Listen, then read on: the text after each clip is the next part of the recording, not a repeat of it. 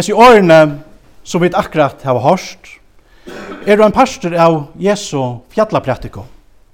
Her Jesus og imot i endan av praktikene kallar menneskje til å genka tan ratta vegin, som vi hørt om.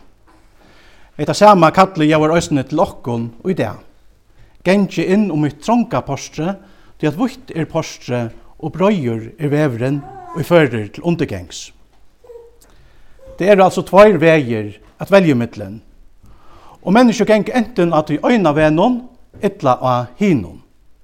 Ongen trije vevor finst. Ønsken mittlenvevor finst. Etta gjer Jesus pura grøtt for jokkon. Enten genga vi at vi brøya venon, og i fyrir til undergengs, etla genga vi at vi mjoa venon, og i fyrir til lufs. Og spurningren er så, at hverjon veie gonger to. Hette er tann brennande spurningren som Jesus legger fram for jokken öll, øysene og i det. Og sverre til henne her øyna spurningen botnar og i en øren spurningen. Hever to Jesus. Sverre til henne spurningen, henne øyna spurningen, hever avløykans fylkjer fyrir te og med og for alle mennesker. Sverre til henne øyna spurningen, Vísir okkon om vi gengur at vi brøya venum og vi fører til undergengs illa om vi genga at vi mjoa vennom og fører til lufs. Og i dag er vi altså saunaje om hin tøytningarmesta spurningen som vi over høver kunne saunast om. Hevet til Jesus. Og i fyrra Johansabraunon 5.12 vi er hetta òsne sagt så grøtt som det over høver kan sigast. Han som hever sonen hever løyve. Tan som ikkje hever god son hever ikkje løyve. Her sier vi det sagt pura grøyt. Jesus lyser øsene seg sjálvan bægi som dittnar og som sjálvan vegin. E er det dittnar, sier Jesus. Gongur nekkar inn om meg skal han vera bjergavur. Og så sier han øsene, E er veveren og sannløyken og løyve. Ongen kjem til feiren utan vi mer. Men så kan vi spørre, hva er det som gjør hitt trånga postre så trångt? Og hva er det som gjør hitt mjoa veien som mjoan? Jo, sverre til er okkar egna hjärsta. Talan er altså ikke om nekka snævurst tja Jesus. Hært møte er talan om okkar ekna naturliga møtvilja i møte gode. Det bor ikke nekka godt i okkar sjálvun, så vil hava nekka vi god at gjerra. Tverstur i møte er vi så å si født inn i denne heimen, vi er ikke noen venten i møte gode. Det er altså møtviljen og i okkar egnu gjørstånd som gjør hitt trånga postre så trångt og i mjoa veien som mjoan. Jesus han sier enda, Ongen kan koma til moin, utan feiren som sendte meg drever han. God ma kalla og hanlokkon inntil som sjåls og inn i himmelen. Til åttan god i okra løyve er vi, som Paulus sier ennast denne, deg i okra misgjeron og sinton. Og om man er deigur, så får man ikke gjørs nekka som helst. Så er det østene til okkon. Vi får ikke gjørst og okkon sjolvon da det snurr seg meg til her at støya iver om fra deianon til løyve. Men Jesus, han beie kan og vil frelse okkom fra undergengje og til hitt evige løyve saman vi honom heima og himle. Hette det som han vil.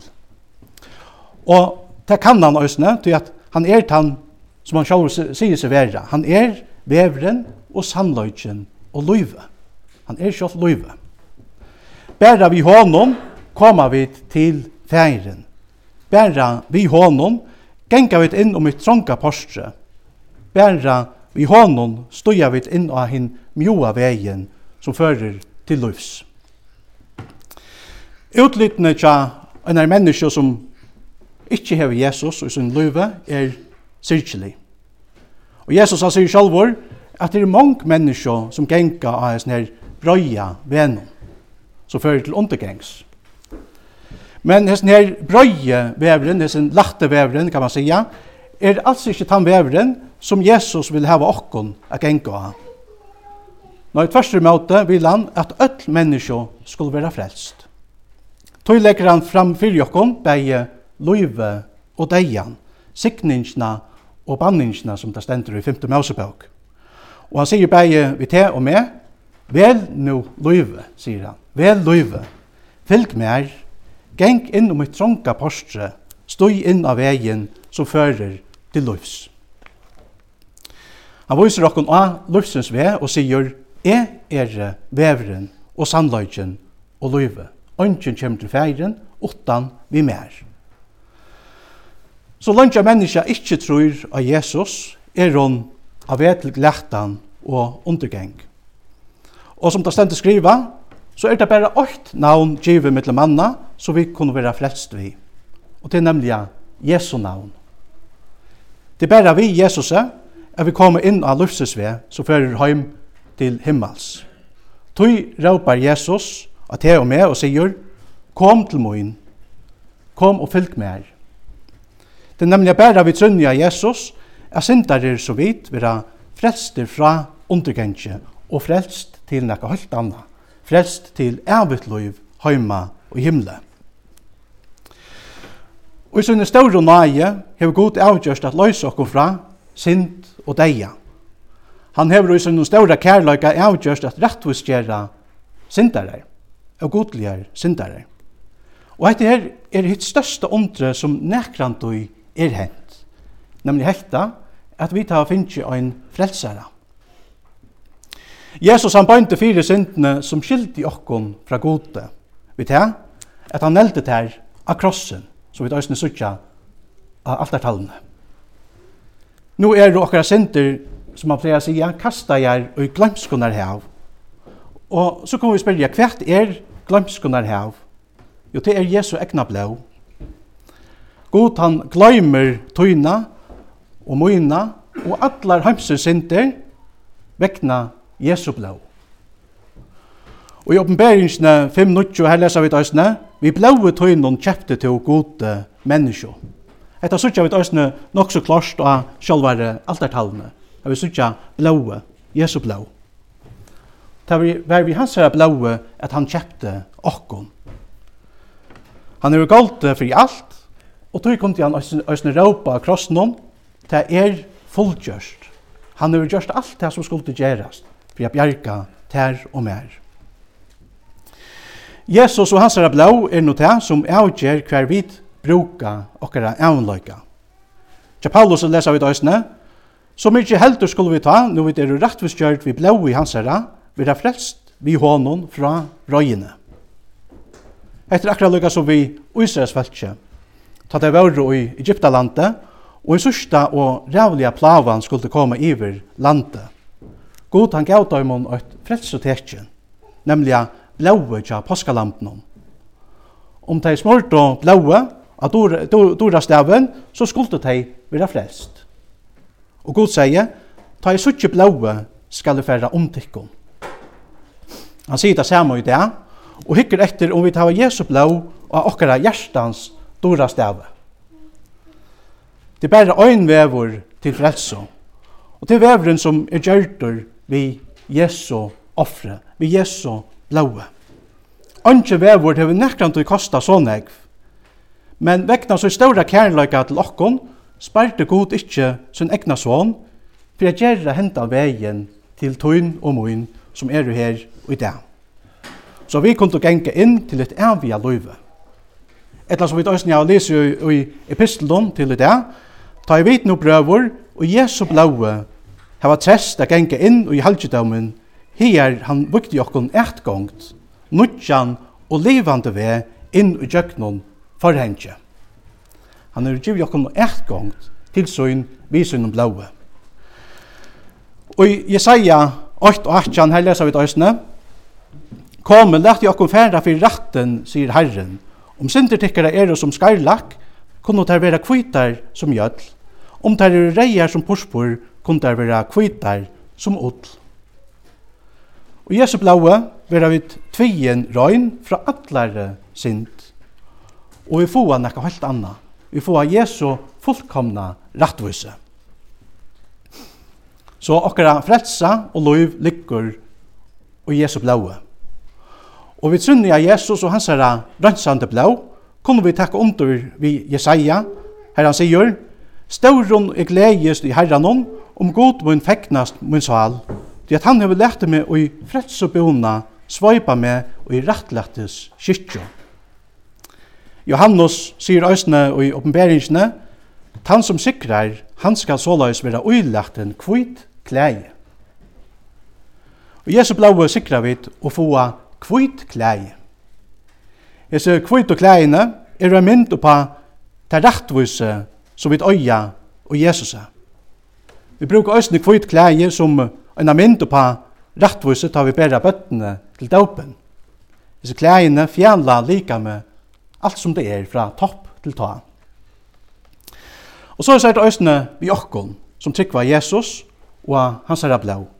Vi vil være rønsa, rønsa i fra topp til ta. Vi vil være uilaten frelsebona og svøypa og i rettlattes kyrkjo. Og Jesu klavnån er vi ruik. Ja, vi kunne ikke være ruikare. Og i tøymon få et evigt loiv, og lot i atlare himmelskare sikning. Vi vera så ofertliga røyk. Og i Raunabrav no troi, lesa vi døysne, til at öll hava synda og tøymo vera og tøymo vanta hos høyur og tøy vera rattvistgjørt fyrir ønske av nai hansara vi endurløysingene som er i Kristi Jesus. Så endurløysingen er i Jesus. Og i hånden vera syndare så vidt, løster ut ur synd og ut ur glættan og inn til Guds underfotla jævs, ja, inn i sjálvan himmelen. Til fralses hever Kristus fri okkom. Vi er fri vegna endurløysingsna som er ui Jesus. Vi er fullkomliga røyn, høyleie og rettvis og i Guds eion vegna Jesus og hans herra offer fri okkom. Vi er av hinnom mjoa vennom og fører til, til evigt liv heima i himmelen. Og ta djevelen og akkar og vil tekka møte fra okkon, så kunne vi i frumøve sinja til dømes, røyner som kæve, frelse i heve, finnje vi Jesu Kristus av blå, året mer sier, et nu er frigjør finnjen til lampe fortjentans lov. Frelstor i ære, sælur høy, Jesus Guds honor deian høy, frelstor fra døme, himen i haume. Amen. Halleluja. Öll skulle vi ein dagen framfyrir Guds domstol. Men de som hava Jesus ver ikkje fordømt av hesson degi. Tog at de er rattvistgjørd i trunne av Jesus. Det er sagt, sier Guds år samstundes, at öll de som rekka Jesus vera fordømt. Men god han vil ikkje at vi skulle glættast, som sagt. Nei, han vil at öll skulle vera bjergeie. Profeteren Ezekiel sier da Østen Solais, «Man er hava ho at eia hins godlesa, nei, men at han ventur fra søgn og ånda veie, så at han må liva. Guds frelsevilje er den samme i det. Og tog jau er i samme kattli øsne i det til okkom. Vel nu løyve. Fylg mer, sier Jesus. Geng inn om mitt tronka postre, stoi inn av vegin som fører til evigt liv. At døma deg er det ønsken fordøming for deg som heva frelsaren, som heva Jesus. Men heva som vi heva Guds egne år på frelsina og Jesus, så kjenner vi dere ofta fordømt. Det er nekv mennesker som opplever etta og i løyvnån, at de kjenner seg fordømt. Okkar egna hjärsta kan fordøme okkon, Heimeren kan fordøme okkon, djevelen han kan fordøme okkon. Men akkurat her er Romerbrevet 8.8 galtande, så er det nu ønsken fordøming for de som er og i Kristi Jesu. Det stendte skriva. Så er det nu ønsken fordøming for de som er og i Kristi Jesus. Og i bøkene Hetland, som Bo Gerst skriva, leser vi om hvordan hjelparpresteren Savonius vil sendur til ein gamlan, dodgjande mann. Þessi gamle mavren, Johannes, er stattur i øynare øyligare salarnei. Da presteren kommer over til sannsina tja honom og sier Guds frigjur ver vi her, sverar hin gamle, ikkje vi mer, ikkje vi mer, er vi glættan, refsing etter male sindana, vrøyedomren og eldren er nu min lotor. Vi mer skal han sia, Færre bostur fra mer banna og tid og inn avvia elden. Prester røyner alt hva han kan av trosta enda mannen, Johannes. Men ontsje rikkar. Han ligger bare her og kremer seg, omsøkt ønda hjersta og omsynar sinter. Presteren byr han jotta sina sinter til så man godferder at fyre djevånen. Men Johannes sier at han har jotta sina sinter fer etter fer, og finnes ikke sintene fyre djeving, men han batna ikke, Og tog helt han at nøyet etter noer og atterlattner fyrir honom. Presteren han røyner og røyner at trøsta, men ikke hjelper. Janus kjenner seg akkurat lykka for han. At enda blir presteren etla fyri av seg støvne og fyrir ut av sputja. Medan han så stendur her ute, kommer en kona, Katrina Philip, og spyr han om Johannes langko er deir. Og presteren han sier som er, Familjan hei bygge henne koma, til at det var så ytla start vi Johannes. Og det enda så vi, at Katrina færsar et prat vi Johannes. Ta hun kommer i til sannsina er Johannes glaver fyrir jeg suttjana. Det kjennes vel og hava gynnsi i kyrkju saman og sunnsi salmar saman. Han sier at hon er et godt folk og er god fyrir at løna henne. Men han sier òsni er god fyrir at refsa han vegna sutt eurøyna hjersta og sier oppgjevande at han er en staurur syndare. Katrina, hon sverar jottande og sier, ja, Johannes, du erst en staurur syndare. Men Jesus er ein større frelsare. Johannes grenjar korsen vojare og sier at han hever eit aurant hjärsta og en undan ho. Letta sverar Katrina at Jesus ikkje er kommet a kalla rattvisar, men syndare. Johannes sier at han manglar iran og omvending. Og Katrina sverar at det er ikkje det som han manglar, men trygg. Hon sier at han skal tryggva av Guds år som sier, Tøy som ikkje gjer gjerningar, men trøyra han som rattvis gjer og godlian, vil tryggvansere rokna til rattvise. Søttene leser hun òsne Johannes 8, 22. Søy Guds lampe, som ber sin tømsens. Og Johannes spyr, ber han òsne sintna som bor i munnen øvrøyna hjersta, og Katrina sverar, ja. Men er fotlor og sint vi samalja, sier Johannes. Og Katrina sverar og sier, ja, så vurs som Paulus òsne vær fotlor og sint.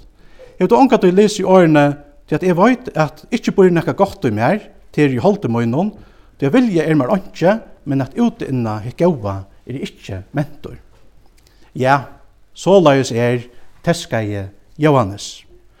Et enda sier han, åkt anna år at rett, Katrina, åkt mått mykje år, og i tryggvetøy. Hun pleier oppe i bøyplene, og les Romerbravet 3, 23 og 24. Det at ødla hava synda, og ta imot vantar gods høyur, og ta vera rettvistgjørt fri ønske av nai hans herra vi endurløysingsne som er i Kristi Jesus. Og så gjerne fikk Johannes salarfri, og teska jeg, Amen, et trikve. Og jeg vet hentan salarfrien. Kon vit lykka som Johannes sia, Amen, et trikve. Alt botnar, som sagt, og jeg øyna spurningsnån, er jeg som avgjerande spurningsnån, hevet to Jesus. Fredsare, hei ikkje er til funnet, og hei blåtut fyrir mer og runde. Hver skulde så er armingen mer venta, bøn munna senda. Sæl og fri er utan te og i faie, du hver er hjersta fullt som tukt av nage. Tu erst og Jesus, tu gus lampe røyna, sjølmutt, aløyna.